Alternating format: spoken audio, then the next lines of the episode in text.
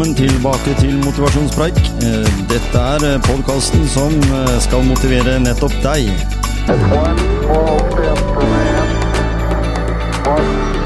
One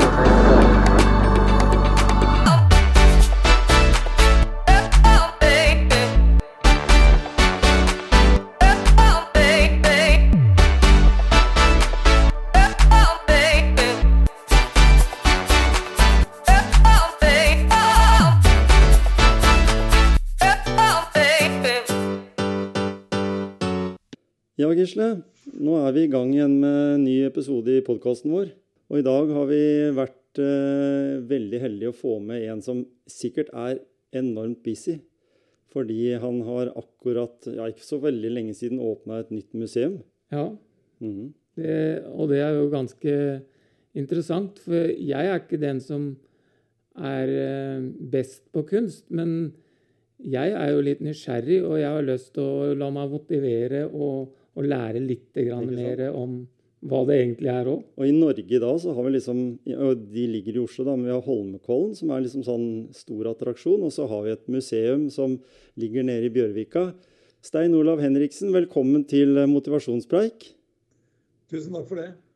Du har uh, vært i vinden uh, i den ikke bare siste tiden, men dere har jo hatt en uh, lang periode for å få opp kanskje Syns jeg i hvert fall en sånn verdenssensasjon. det å få samle Munch sine uh, verker inn i et uh, fantastisk flott bygg. Ja, Det har vært eh, utrolig spennende å komme i land med byggeprosjektet og flytte kunst inn hit og flytte alle medarbeidere, og ikke minst da åpne for publikum, som vi gjorde rundt 22. oktober. Ja, Så det har vært utrolig spennende. Det er jo en verdensbegivenhet, som du sier, fordi vi har hatt eh, da ca. 6000 medieoppslag, mm eh, hovedsakelig utenfor Norge, eh, i forbindelse med åpningen. Så Ja. dette er en verdensbegivenhet. ikke sant? Og hva, hva var bakgrunnen for å flytte museet, og, og hvorfor har det ikke blitt flytta før? Det som jeg tror trigget den aller siste beslutningen som skulle til for å få til et nytt museum, var nok eh, ranet i 2004.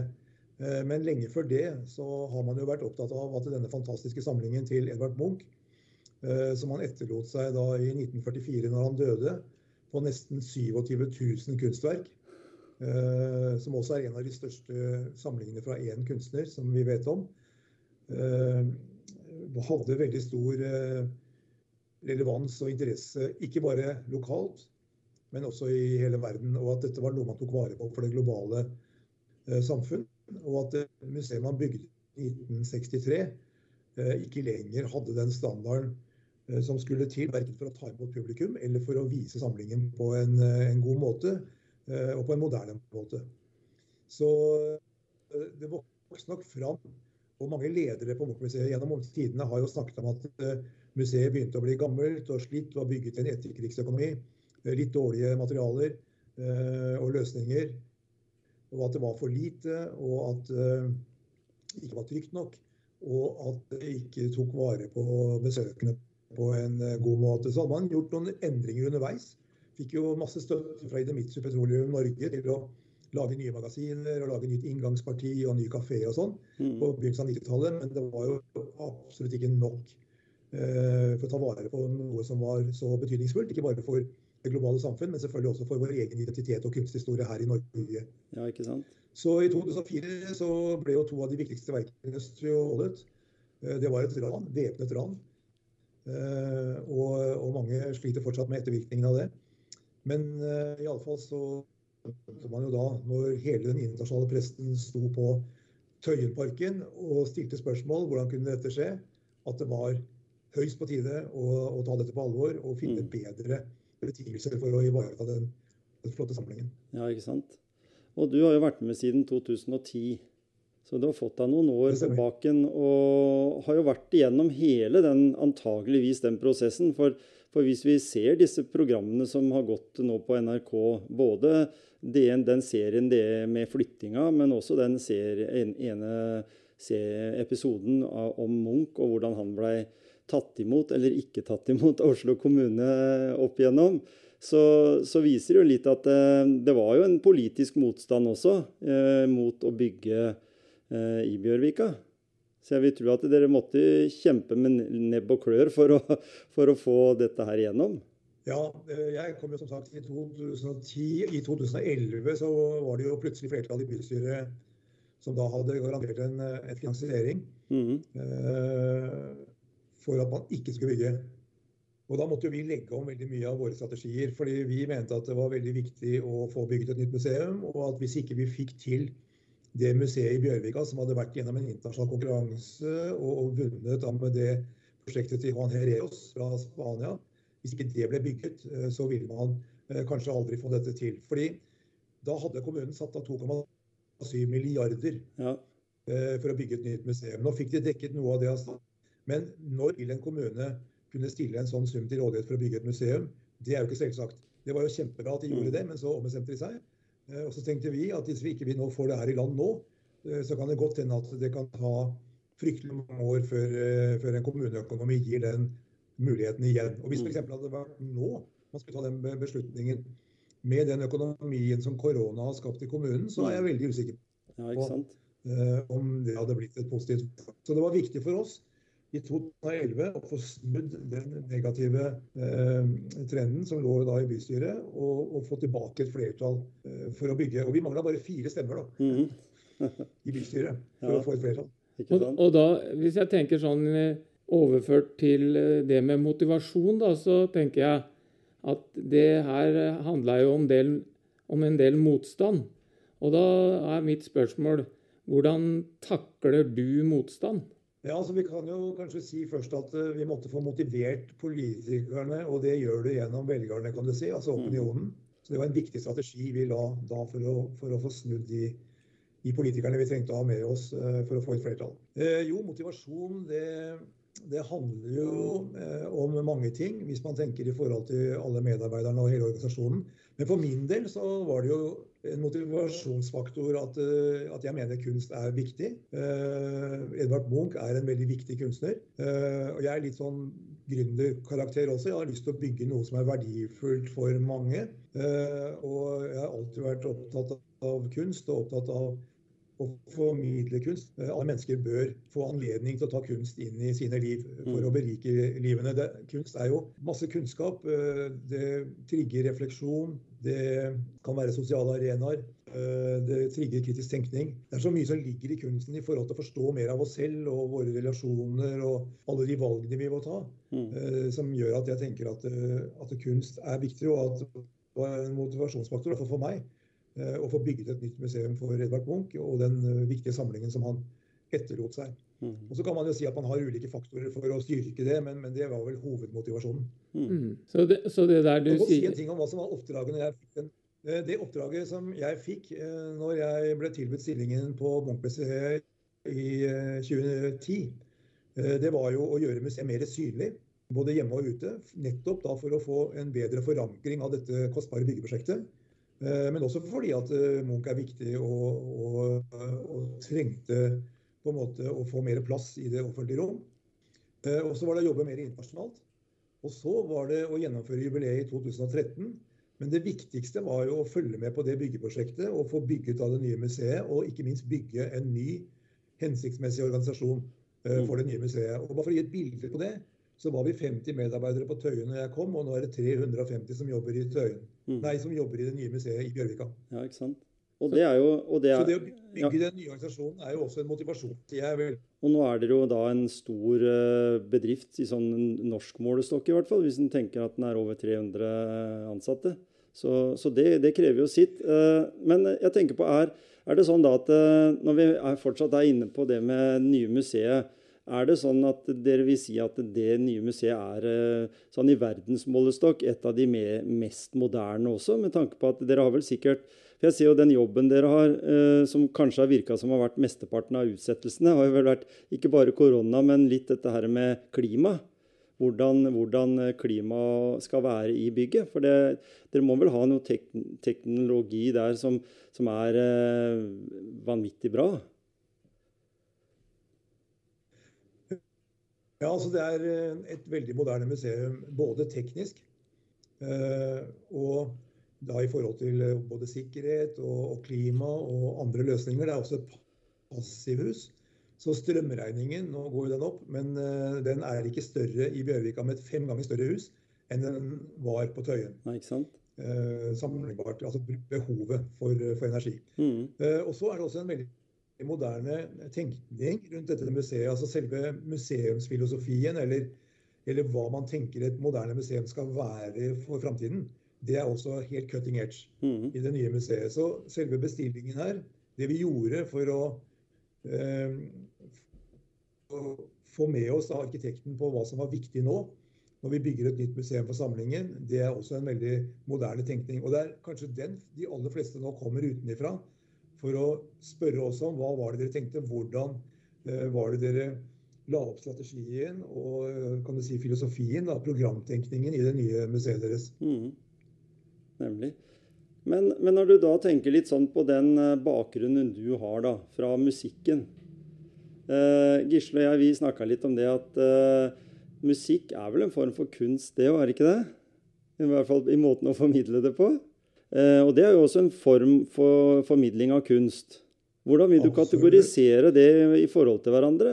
Mal, mal, malerienes kunst og, og det med teater og musikk? Nei, det er eh, Alt springer ut av et uttrykksbehov, som det heter. Altså Alt springer ut av, eh, av kunnskap og refleksjon og behov for å formidle. Eh, og da kan man jo litt sånn enkelthet si at man enten gjør det gjennom teater eller tekst, mm. eller, eller, litteratur og bøker, eller gjennom musikk og konsertvirksomhet, eller gjennom billedkunst, eller gjennom film, for den saks skyld. Eh, så, så begynner det samme med, med for så vidt da en idé og en kunnskap eh, og et formidlingsbehov. Mm. Uh, og så er det forskjellige da, utviklingsmidler man bruker på det. Så det er jo veldig mye som er parallelt her. og Vi sier jo i musikken at det både er skapende kunst, ikke sant, komposisjon, og, for, og, utøvende kunst da, med mm. musikere og eventuelt andre. Mm, for, når, for, når, du kom da med den bakgrunnen du hadde, så var jo det viktige elementer du hadde med deg da, kanskje inn i den verdenen av eh, personer som kanskje var mer opptatt av å forvare enn å vise fram. Jeg vet ikke. Er det, min, det er i hvert fall min oppfatning. Ja, det er klart at uh, innen billedkunsten så handler det om å ivareta en samling for framtiden i mm. tillegg til å vise den. Så du må gjøre begge deler, og det er en vanskelig balanse. Uh, hvor mye tåler kunsten å bli vist? og hvis den ikke blir vist, så har den jo egentlig ingen betydning, for da ligger den jo i magasin. så Sånn sett så er den jo død. Mm. Så man må finne den balansen på en eller annen måte. Uh, men det er jo litt det samme her også i andre institusjoner. La oss si opera, som jeg jobber veldig mye med. Så er det jo et spørsmål om skal du bestille nye verk, uh, nye komposisjoner? Uh, hvor mye skal du jobbe med andre kunstnere på tvers?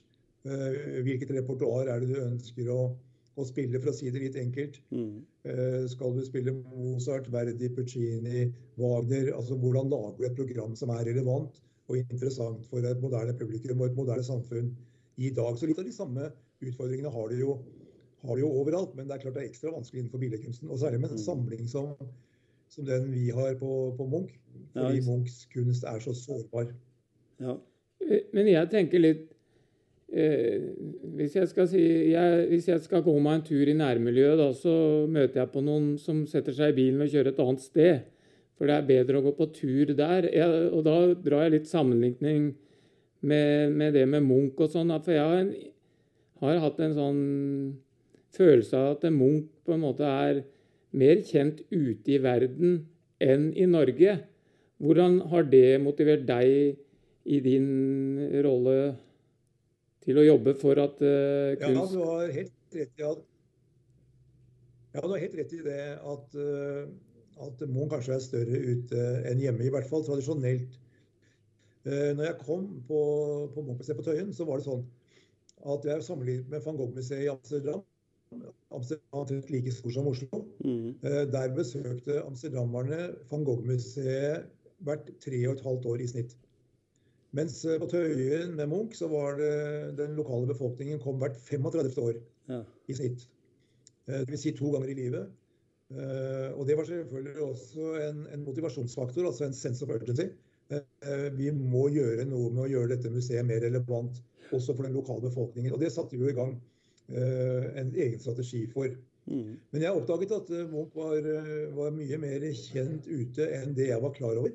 Eh, Og den eh, andre erkjennelsen var at dette var lite kjent i Norge. Veldig lite kjent i Norge hvor stor Munch var ute. Ja.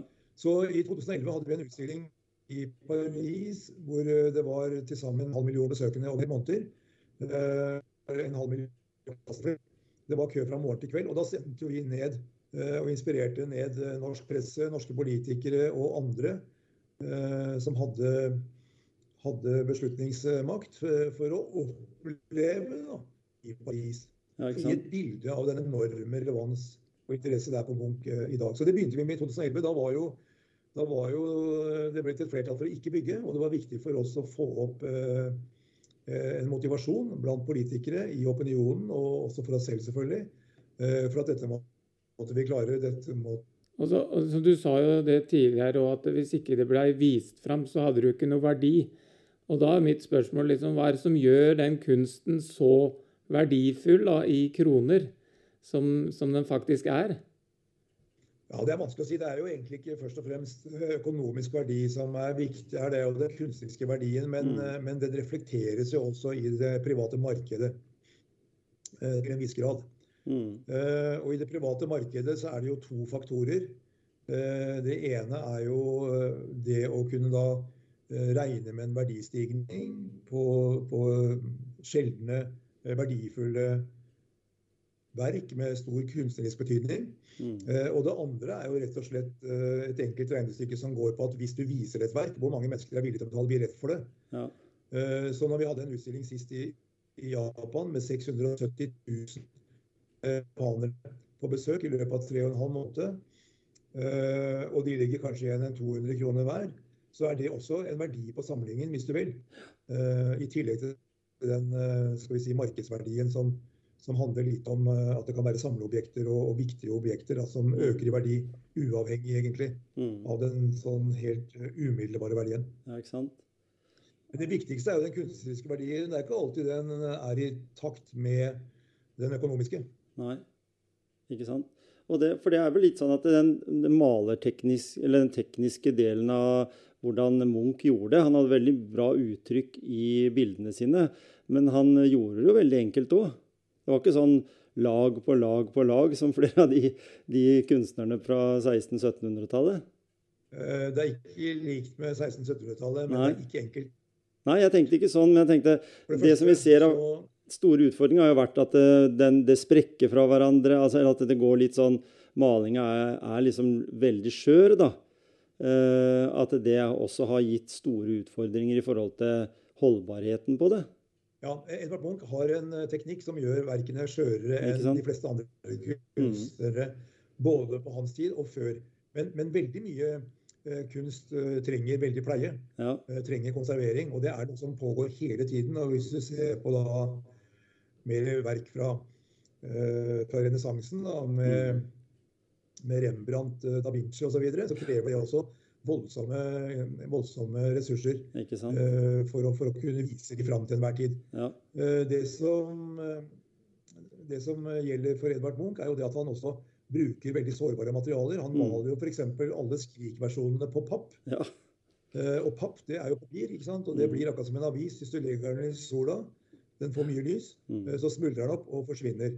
Og, og vi har jo en annen konserveringsutfordring i Norge. Hvis du ser på vikingskipene, mm. de også smuldrer opp. Så det du ser i dag, eh, vil jeg nesten hevde, er, er bare lim. ja Eh, eh, fordi at du må hele tiden holde på å konsolidere og, og konservere Mm, eh, disse materialene som smuldrer opp og i og for seg da ville blitt pulver eller forsvunnet helt hvis ikke vi gjorde noe med det. mm.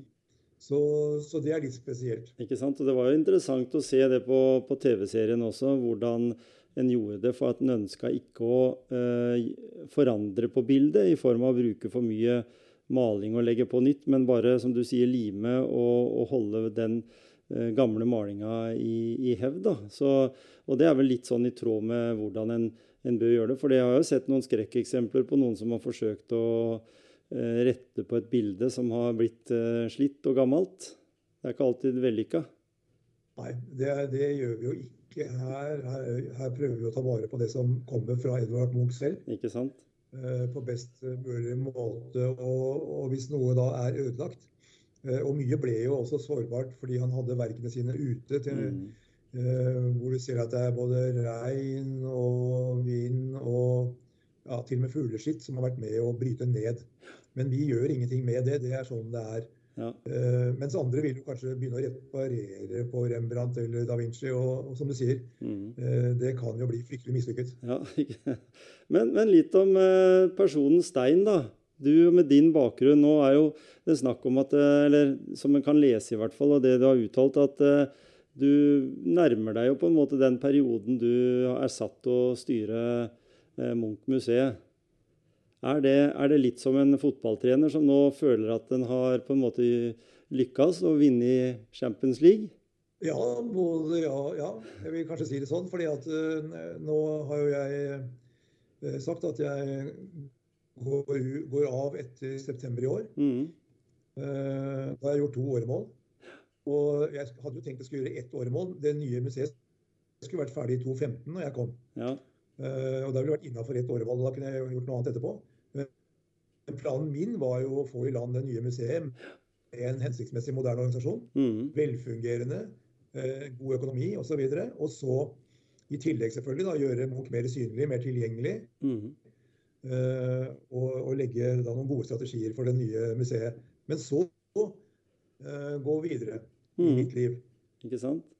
Tilbake igjen til opera eller, eller musikk, for den saks skyld. Ja.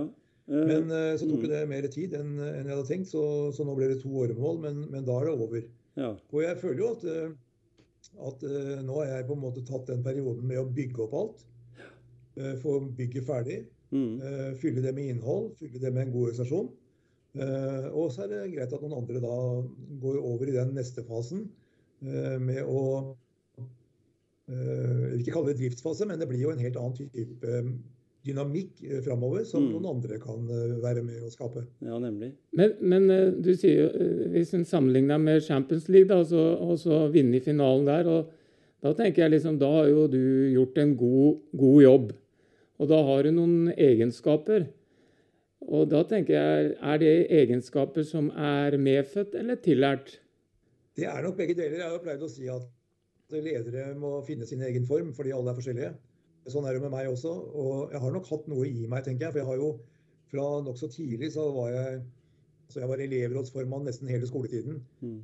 Jeg var tillitsvalgt i militæret når jeg hadde førstegangstjeneste, valgt inn nesten etter en uke.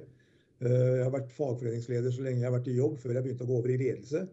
Eh, som jeg nå har vært i i vel 30 eh, år. Så, så, jeg har jo hatt denne liksom lederspiren i meg tenker jeg, hele veien. Men samtidig så lærte jeg veldig mye av den musikktreningen, som jeg syns er veldig verdifullt. Uh, og så har jeg selvfølgelig lært hele tiden mens jeg har jobbet. Så jeg er veldig mye en leder som har lært learn by doing, som de kaller det. ikke sant? Mm. Uh, sett hva fungerer, hva er det som motiverer. Uh, hvordan driver man fram en god organisasjon? Hvordan skaper man godt arbeidsmiljø for utvikling og innovasjon osv. Så videre. så alt det der har jeg jo utviklet underveis. Mm. Men jeg tror også det at det lå noe i meg fra begynnelsen av som, som kanskje kan betegnes litt med det at eh, jeg har lyst til å skape noe eh, som betyr noe. Mm. Men det betyr også at du har, du har, fortsatt lyst til å skape noe videre nå etter at ditt engasjement i Munch-museet er over, eller? Ja, ja, absolutt. Jeg har ikke tenkt å gi meg nå. Nei. Men, men, når du sier Jeg har kolleger, jeg har studert i Chicago. Ja. Eh, og, og, var eh, sånn aspirant, ikke hospitant i Chicago Symfoniorkester. Eh, og jeg har, det var en som satt der som hadde norsk bakgrunn, som var trompeter. Han spilte sin siste konsert da han var 93. Han gikk av med pensjon da han var 86. Og de utlyste den stillingen tre-fire ganger før de fant en som var like god. Ja. hadde han vært i Norge, så hadde han blitt kippa ut av listen da han var 60. Ja, ikke sant. Det er litt sånn. Men eh, årstallet som betyr noe, men da sier det hvordan du, hvordan du har det. Ja, ikke sant. Nei, og vi har jo en del gode musikere som er godt voksen i Norge også, som fortsatt uh, kjører på. Ja. Det har vi. Absolutt. Og nå tenkte jeg på orkestrene, egentlig, på den klassiske ja, det mm. uh, musikkproduksjonen. Ja. Men, uh, men man kan jo holde på så lenge man har lyst. Ja. Men det jeg tenkte på da, føler du, føler du nå at du, når du da legger inn årene, pleier å si de som driver med båt, da, for i, hvert fall i september, uh, føler du at du har oppnådd det du var ute etter? Den gangen du begynte i 2011 ja, eller 2010? På, på, absolutt. Det, det, tenker jeg at jeg er fornøyd med. Eh, fordi at eh, For det første så gjennomførte vi jubileum med besøk som var det høyeste i Norge noensinne. Eh, og så var det jo da bygget dette museet, som er velfungerende. Fortsatt noen utfordringer, men i alt vesentlige velfungerende, moderne tenkt og moderne skapt og utformet. Og så har jeg bygget en organisasjon, selvfølgelig sammen med mange veldig dyktige kolleger, mm. med mange mennesker som er godt motivert. Kjempegod ekspertise, dyktige mennesker og med et godt arbeidsmiljø. Og mm. framoverlent, innovative. En organisasjon som er både moderne og hensiktsmessig for det nye museet, og som har alle muligheter til å få noe ut av dette som er helt outstanding. Altså noe som ingen har sett før. Nei, og det kommer til å være kanskje eh, det viktigste museet i Nord-Europa hvis man tar ut hele potensialet. Ja. Og jeg tenker på, jeg jobber jo i helsevesenet, og vi har jo på en måte fått uh, litt klapp på skuldra nå når det har vært litt spesielle, spesielle, tider. Men vi har jo også vært gjennom eh, eller veldig ofte omorganiseringer og flyttinger og eh, ting som skal være mer effektivt og mer kostnadseffektivt. Så tenker jeg, Og det gjør noe med i hvert fall de kollegene jeg har, det gjør noe med de sånn rent mentalt å ha, hele tida ha det eh, endringsspøkelset over seg. Når jeg ser det dere er igjennom på de så langt episodene jeg har sett på, på NRK, da, så, så, så, må det jo være en enorm uh, Jeg tenker en sånn drive som du må ha. Du sier jo sjøl der at du har en sånn uh, stayer i deg. Fordi Og hele tida måtte fortelle at nei, det ble ikke noe nå heller. Vi må vente noen måneder til. Og så, og så motiverer de seg. Og det var jo noen av de kollegene dine hadde jo jobba med ting i tre år. liksom, Enkelte prosjekter inni prosjektet. Eh, for det tenker jeg sånn mentalt, så plutselig det slokner en lita pære. Hva gjør du for å tenne den pæra igjen? Jeg har jo vært veldig opptatt av at eh, jeg skal skape miljøer rundt meg som har høy takhøyde og som har mye humør. Ikke humor er en utrolig viktig faktor for å skape et godt arbeidsmiljø. Mm. Så må selvfølgelig også være muligheter for, for utvikling, både av virksomheten og på individuelt nivå. Eh, og så er det mange motivasjonsfaktorer som også ligger i det å skulle bygge noe nytt og skape noe nytt, og det å ta mm. vare på Edvard Munchs eh, store samling osv. Mm. Men, eh, men jeg tror det at hvis du tenker på omorganisering osv. Hvis, om, hvis en omorganisering kun handler om økonomi eller effektivisering, så kan den bli ganske tung. Mm. Mens for min del så er jo dette med for så vidt konstant endring endring også en motivasjonsfaktor. Mm. Altså det at det er bevegelse i organisasjonen. Så jeg gjorde jo to ting med det. Det ene var å gjøre om alt fra linje til prosjektorganisert virksomhet. Mm. Så alt som foregår av leveranser kan du si, da, på, på Munchmuseet, enten det er utstillinger eller konserter eller bøker eller, eller digitale opplevelser, eh, så er det prosjekt. Mm. Og I de prosjektene så skal folk aldri jobbe de samme som forrige gang. Og det skal alltid være eksterne med. At du får den der energien av at det er stadig nye mennesker du jobber med. Stadig nye ideer, nye muligheter. Eh, kanskje nye måter å jobbe på.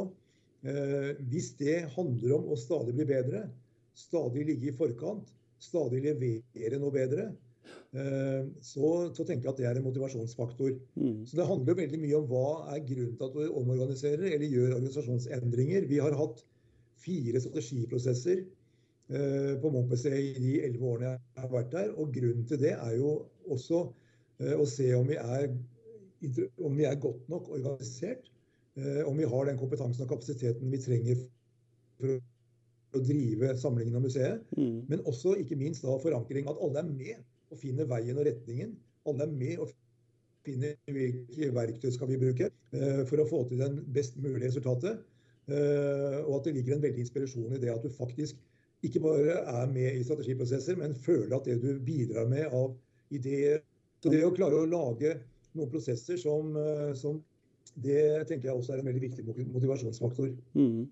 Så, men, men, sånn helt uh, avslutningsvis, da, så tenker jeg liksom det er mange som hører på vår podkast som er, Vi har jo mange forskjellige temaer, ikke sant? Og da tenker jeg liksom er, Hvilken opplevelse skal jeg, som ikke er altfor kunstinteressert, få ved å gå på det nye Munch-museet? For, for eksempel er det sånn at jeg kan komme dit og melde meg på ei gruppe og faktisk lære noe uten å måtte gå og se for meg sjøl, da.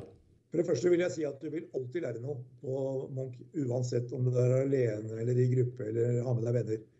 Og, og det er bl.a. fordi at vi nå har bygd et museum med mange utstillingsrom. Vi har eh, nå eller når vi åpnet, hadde vi syv utstillinger samtidig. I tillegg så har vi flere arenaer med konserter og forestillinger og samtaler, eh, seminarer, andre ting som skjer. Vi har fantastisk fine uh, workshops steder for, for, barn, eller hva heter verksteder. da. Hvor ikke bare barn, men også ungdom og voksne kan være med og gjøre ting selv. altså Ta ut sin kreativitet. Mm. Det har vi også en del av utstillingssalene hvor, hvor det er interaktive muligheter. Uh, vi har et forskningsbibliotek som er tilgjengelig for alle, og, og det skjer noe nytt hver gang. Hver dag. Og, og, I tillegg så er det jo et nydelig sted å være. Man kan bare komme hit og sette seg ned og reflektere over livet og kjærligheten. Eller mm. man kan gå opp og ta en bedre middag i restaurant i 12., eller en drink i 13., osv. Så, videre, og så, videre. så det er på en måte en helt annen type museumsopplevelse. Og jeg sa jo i den internasjonale pressekonferansen vi hadde når vi åpnet, at uh, glem alt du kan om museer, dette er noe helt annet. Mm. Og mange siterte meg på det når jeg hadde vært der, fordi det er noe helt annet. Ja. Og jeg tror at jeg kan garantere deg at når du går fra det, det nye Munch, så vil du uh, ha med deg noe mer enn du hadde når du kom. Uh, vi sier jo også at vi skal berike alle som besøker oss. Og kunst igjen, da, det handler jo om refleksjon, det handler om kritisk tenkning, det handler om kunnskap. Det handler også om sosiale arenaer og veldig mye annet. Mm. Så, så, da... så, jeg anbefaler deg i høyeste grad å besøke museet, og jeg er sikker på at du kommer til å komme igjen. Ja. Og da kan vi bare oppfordre alle lytterne våre til å, å, ha som mål å besøke museet mer enn to ganger i løpet av livet, da. Ja. I hvert fall. Ikke sant? Ja, I løpet av mm. livet. Ja. I løpet av året, vil jeg si. Ja, med, med, den beliggenheten så kan jo ikke annet enn Jeg, har, jeg snakka med en uh, kompis i går, og vi sier at en begynner jo å bli litt stolt av eh, Oslo, da, når en ser Oslo fra vannet. Med, med de bygningene og, og det, det som, som, er der. Så, så, men, og, og, nå er det jo sånn at som vi leser i hvert fall i lokalene nyheter her i, i, i Grenland og Telemark, så, så, er det jo en av dine ansatte som eh, kommer hit og skal snu om på vårt museum, da, Telemark museum. Det stemmer. Det er en veldig flink eh, dame som hadde ansvar for flytteprosjektet. Mm. Barbara. Hun, eh, ja, vi rekrutterer flinke folk til mange steder. Ja. Det syns jeg også er en suksesskriterium. At du har mulighet for at du ikke bare får nye oppgaver og, og nytt ansvar på museet, men at du også kan gå ut og, og bidra andre steder. Så det, mm. det, legger vi veldig mye vekt på. Og så vil jeg si en ting om det med besøk. Det er 71% av Oslos befolkning har nå sagt at de vil besøke museet første året. Mm. Eh, det er veldig bra. Det er over en halv million. Eh, og I tillegg så, så, tenker jeg at hvis du kommer fra Norge, eh, så bør du kunne noe om Edvard Munch. Mm. For du kommer til å få spørsmål. Eh, og du kommer til å være mer interessant i, i vennekretsen og, når du møter eh, folk, særlig fra utlandet, mm. eh, hvis du kan fortelle dem noe om en kunstner som alle har et forhold til. Ikke sant? Og vi, vi, har jo Munch, som vi da kan fortelle om. Og så har jo vi her i Skien Ibsen, da, så det er liksom de to store. Ja, absolutt. Ja, ikke sant? Absolutt. Det tenker jeg også. Vi lager nå en ny biografi på Edvard Munch som kommer om to år. med Aivo Figueira som eh, forfatter, og han skrev jo også den store Ibsen-biografien, som ja. er veldig fin. Mm. Det er helt riktig. Så de levde, de levde, jo i si samme tid, og var jo på en måte det de ja, Han ville vel sagt at de var kompiser, da. Vi kaller det ja, I dagens eh, terminologi så var vel de litt eh, kamerater, de to der. Munch og, og Ibsen.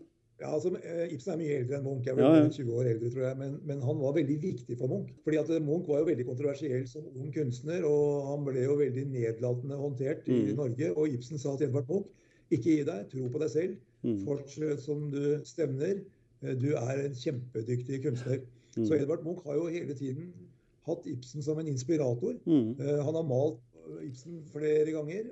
Tegnet Ibsen. Han har laget kulisser til flere av Ibsens skuespill. Mm. Eh, en av hans første oppdrag var å lage en plakat til Per Gynt-forestilling i Tyskland. Mm. Så det er en forbindelse hele veien. Ikke sant? Eh, Men jeg tror at eh, den går mest til Munch fra Ibsen som Ja, inspirator. Fordi Ibsen er på en måte mer etablert, og han er jo en kjent og, og, og viktig kunstner Ja. når, når Edvard Munch begynner på sin karriere. Han hadde vel mye av lærdommen, han også, fra å ha blitt utstøtt, eh, han også, i litt yngre dager. Så, så han har nok hatt en viktig bagasje med seg på veien, vil jeg tro. Ja, det er nettopp det. Både Ibsen og, og, Edvard Munch har jo møtt veldig mye motstand hjemme. Mm. Eh, ikke blitt forstått hjemme, blitt nedlatende hånlig til og med. Eh, Behandlet eh, hjemme. Og det er jo litt rart, det der kunstnere, for de blir jo ofte sett på som representanter for sin egen tid. Mm. Men i sin egen tid så er de jo ofte i konflikt Ja. eh, nettopp med det samfunnet rundt seg, med den kulturen de springer ut av. Mm.